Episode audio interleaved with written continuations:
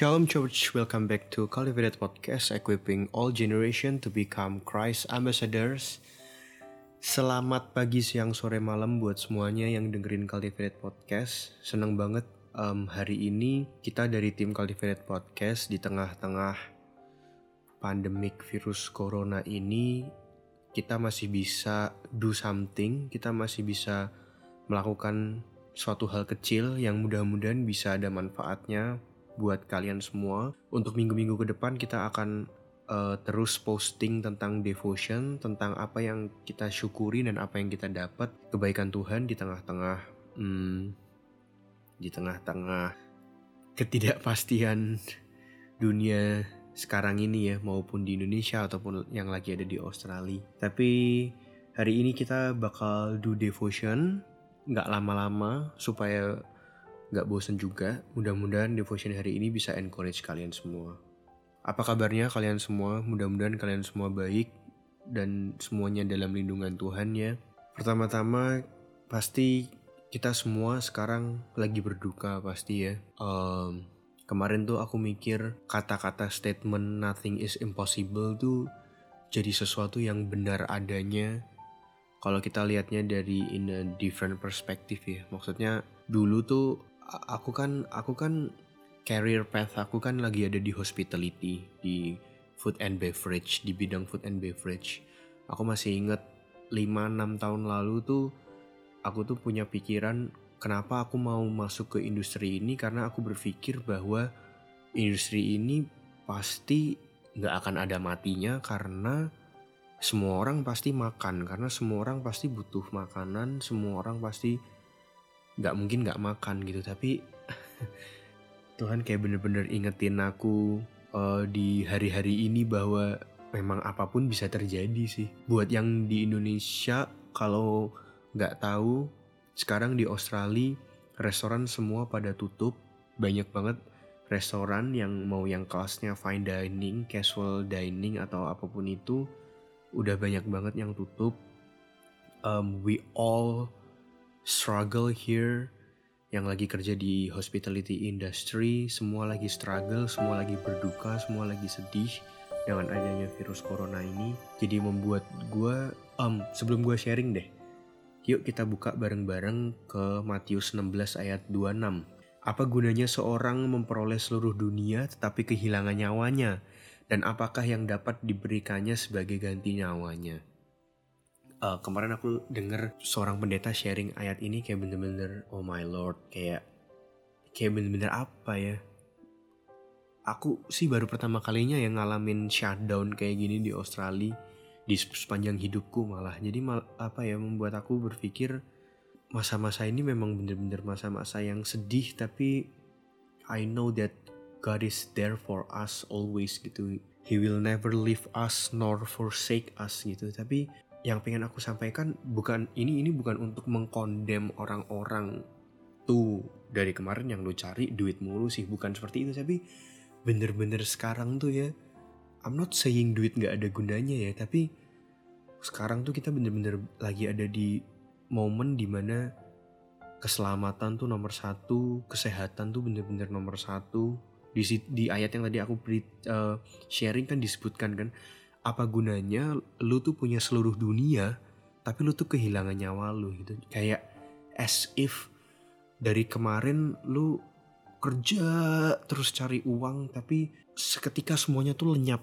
Dari kemarin lu mungkin I don't know mungkin orang-orang uh, berlomba-lomba cari follower cari subscriber wah sekarang follower dan subscriber lu nggak bisa ngasih lu makan juga sekarang gitu dari kemarin lu mungkin jarang bersosialisasi sekarang lu bener-bener kayak akhirnya sadar betapa apa butuhnya komunitas betapa butuhnya lu engage dan dan dan ketemu orang gitu membuat gue berpikir bahwa pelajaran yang tahun lalu gue dapet sih ini bahwa sebenarnya apa sih harta yang paling berharga di hidup lu?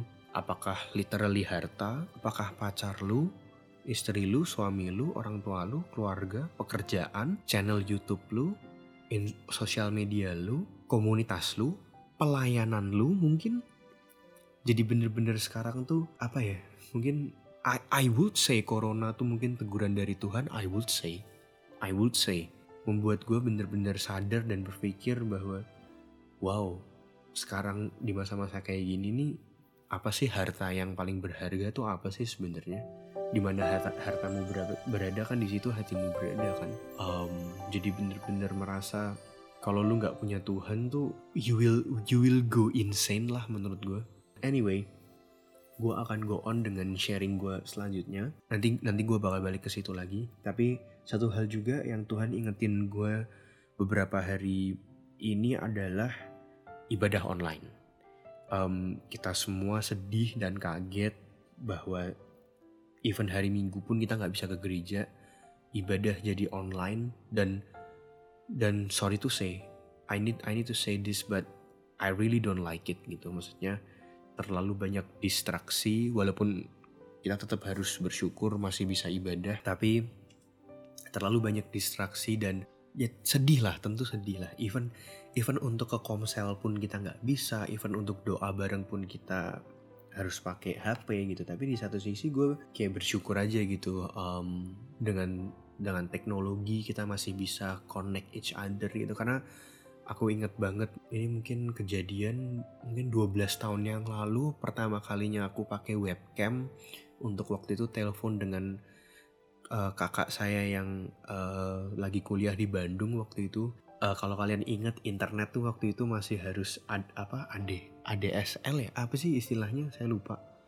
Pokoknya internet tuh masih yang harus pencet connect yang bunyinya tetet tetet tetet terus internet waktu itu tuh lambat banget. Uh, webcam tuh waktu itu gambarnya masih sangat jelek. Saya masih ingat waktu itu telepon dengan kakak saya uh, ngadat uh, ngelek ngadat-ngadat. Jadi kayak sort of hampir nggak ada gunanya juga sih teleponan. Gambarnya jelek internet jelek tapi kemarin kita masih bisa ibadah um, lancar banget nggak ada lag nggak bisa ngobrol sama temen bisa komsel bareng lewat lewat aplikasi di HP juga sangat lancar. Jadi bersyukur juga rasanya ditegur bahwa nah lo jadi lu tuh sebenarnya nggak zaman sekarang tuh lu nggak bisa lagi punya alasan buat nggak cari Tuhan gitu. Karena come on man di saat-saat seperti ini aja kita tuh sebenarnya masih bisa cari Tuhan. Kita itu masih bisa connect dengan orang lain dapat firman dan segala macam gitu. Um, di satu sisi gue juga ada seneng seneng karena dengerin orang-orang yang kayak sedih nggak bisa kumpul tuh gue seneng. Seneng karena berarti gue tuh bisa lihat bahwa anak-anak tuh banyak yang genuine. Mereka tuh bener-bener love this community bener-bener kemarin kayak beberapa kali kita ngobrol kayak aduh sedih banget kita nggak bisa gereja kita nggak bisa komsel gitu. Maksudnya saya ngomong gini karena dulu saya terlahir bukan dari lingkungan yang gereja banget ya. Jadi untuk bisa ketemu di zaman sekarang untuk untuk masih bisa ketemu anak-anak yang yang cinta Tuhan, yang berapi-api sama Tuhan tuh I'm really grateful lah kalau Tuhan tuh masih tempatin orang-orang. Kayak rasa-rasanya tuh dalam tanda kutip harapan itu tuh masih ada bahwa masih ada orang baik, masih ada orang yang berapi-api sama Tuhan tuh gue seneng gitu maksudnya. Ngeliatin anak-anak sedih nggak bisa ke gereja tuh gue seneng gitu berarti mereka tuh masih punya fire di dalam di dalam diri mereka untuk untuk selalu engage ke orang lain juga gitu. Di satu sisi um, juga jadi merasa diingetin bahwa sekarang kerasa ya pentingnya komunitas gitu. Sekarang kerasa pentingnya kita tuh manusia hidup memang bukan seorang diri. Lo tahu bahwa inilah pentingnya God's community pentingnya jadi kaki tangannya Tuhan untuk untuk reach to the people untuk lu tuh connect ke orang lain juga gitu. Sekarang tuh jadi kerasa gitu betapa pentingnya itu. Betapa sometimes kita take community for granted gitu. Tapi sekarang pas kita harus shutdown cuma untuk di rumah doang physically distancing dengan orang lain baru sekarang kita tuh kerasa gitu aduh sedih banget nggak bisa kumpul sama temen nggak bisa ke gereja nggak bisa ngapa-ngapain. Sekarang baru kerasa gitu betapa sedihnya nggak bisa ketemu orang gitu. Aku juga cuma mau ngingetin mungkin ini nggak terjadi I hope ini nggak terjadi sama teman-teman yang dengerin podcast ini. Cuman kemarin sempat beberapa kali browsing di sosial media dan di internet ada yang pro kontra kan tentang ibadah online ada yang nulis kayak ntar gimana tuh kalau misalnya udah selesai coronanya ibadah online tuh akan membuat kita jadi kayak ah dari kemarin juga udah ibadah online ngapain gue harus balik lagi ke gereja Uh, well, I I totally disagree sih. Maksudnya orang yang berpikir seperti itu ya dari awal dari awal lu emang udah gak niat ke gereja aja sih menurut gue gitu maksudnya ngerti gak sih? Dari awal lu berarti gak, men, gak menemukan esensi pentingnya untuk lu tuh physically ke rumah Tuhan dan ke gereja dan tuh connect ke orang lain gitu. On one hand gue cuma mau ngingetin jangan maksudnya gini gue juga cuma mau ngingetin physically ke gereja nggak menjadikan lu orang Kristen sih. Sama kayak pergi ke Dunkin Donat nggak menjadikan lu donat masuk ke dalam sebuah garasi nggak menjadikan lu mobil masuk ke China bar nggak menjadikan lu babi istilahnya seperti itu gitu. Jadi pergi ke gereja juga doesn't mean doesn't mean lu orang Kristen sih karena orang Kristen dilihat dari buahnya dan perilakunya bukan dari pergi ke gereja atau enggak tapi lu tahu kalau lu cinta Tuhan kalau lu love your community harusnya pertanyaan macam kayak gitu nggak keluar sih harusnya sih. But I really hope uh, teman-teman cultivator yang dengerin ini nih mudah-mudahan bukan yang berpikir seperti itu ya mudah-mudahan ya um, gue juga diingetin sama ini ini one of my favorite passage sih 2 Korintus 5 ayat 15 dan Kristus telah mati untuk semua orang supaya mereka yang hidup tidak lagi hidup untuk dirinya sendiri tetapi untuk dia yang telah mati dan telah dibangkitkan untuk mereka. Gue mau ulangin di bahasa Inggrisnya. And he died for all, that those who live should no longer live for themselves, but for him who died for them and was raised again. Um, di sini kan dia nulis ya kayak, tetapi untuk dia, dia tuh Tuhan. Gue jadi pengen relatein ini ke khotbah di gereja beberapa minggu lalu yang waktu Tuhan Yesus kenanya ke Petrus. Pet lu sayang sama gue nggak? Sayang Tuhan sampai tiga kali nanyanya sampai sampai yang ketiga kali tuh Petrus sedih banget gitu. Tuhan lu yang lu tahu hati gue gue sayang sama lu. Terus terus pesan Tuhan terakhir tuh cuman oh ya udah gembalain ya doa, doa domba-domba gue gitu. Jadi dengan kata lain, ayat ini tuh dan Kristus telah mati untuk semua orang supaya mereka yang hidup tidak lagi untuk dirinya sendiri tetapi untuk orang lain. Karena kata dia mau gue ganti pakai kata orang lain karena karena Tuhan ngomong ke Petrus kalau lu sayang sama gue, tolong dong gembalain anak-anak gue yang lain gitu. Di sini tuh gue ini mungkin nyambung ke masalah community ya. Apa gue jujur kemarin tersentuh gitu.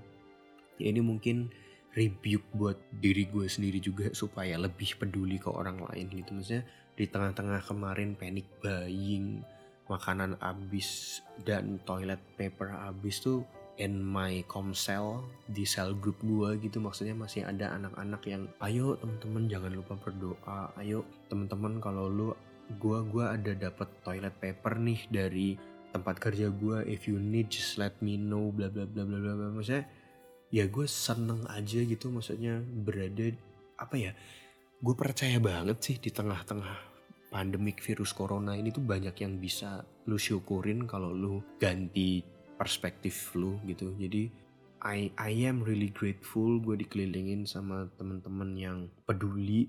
Gue dikelilingin sama orang-orang yang masih nggak memikirkan dirinya sendiri gitu Well, I think I will close my my devotion, my message with with 2 Korintus 5 ayat 15 sih. Karena itu bagus banget sih. Karena maksudnya di tengah-tengah kayak gini I think this is a good time buat lu as a Christian to show to other ini loh. Maksudnya kita tuh bukan orang egois kita tuh bukan orang yang selama ini kalian pikir yang eksklusif yang maunya main sama orang Kristen doang. This is a really good time, a really good timing buat kita semua buat kayak, hey yuk let's help each other. Kemarin gue lihat ada yang di Indonesia beliin sengaja beliin makanan dari Gojek cuman buat bantuin abang Gojeknya. I think that's a wonderful man. That's a really that's a really brilliant gitu maksudnya yang nyambung ke yang gue sharingin tadi saat-saat seperti ini uang udah kayak apa sih kalau lu hidup tapi cuman buat diri lu sendiri tuh buat apa sih? This is a good time buat lu show to other the love of Jesus, the love of the love of Christ. Jangan sampai Tuhan mati di kayu salib tuh dengan sia-sia jangan sampai lu hidup di dunia ini dengan sia-sia karena gue percaya hidup mati di tangan Tuhan. Kemarin juga kan sempat ada yang heboh uh, wah kalau lu nggak gereja kalau lu nggak gereja lu takut ya sama virus corona ya? Wah iman lu kurang gede tuh. Maksudnya bukan men bukan masalah itu gitu. Cuman maksudnya gue percaya hidup mati di tangan Tuhan karena gue percaya hidup mati di tangan Tuhan. Pas lu pas lu masih bisa nafas nih apa sih yang bisa lu kasih hidup lu ini buat orang-orang sekitar lu atau terlebih buat Tuhan gitu balik lagi kalau lu cinta Tuhan lu juga akan cinta lingkungan sekitar lu sih gitu aja semoga devotion hari ini jelas dan sedikit encourage kalian dan sedikit memberkati kalian semua. Jangan lupa buat jadi berkat buat orang lain. Jangan lupa untuk help each other. Lihat sekeliling kalian siapa yang butuh bantuan. Dan jangan lupa jangan pamrih. Thank you. Jesus bless you. Let's pray together supaya virus ini bisa cepat selesai. God bless you all.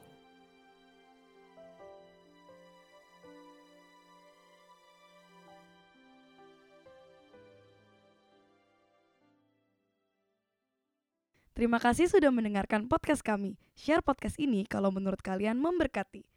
Cultivated Podcast tersedia di Spotify dan YouTube dan kalian bisa cek juga Instagram kita di cultivated.podcast. Terima kasih.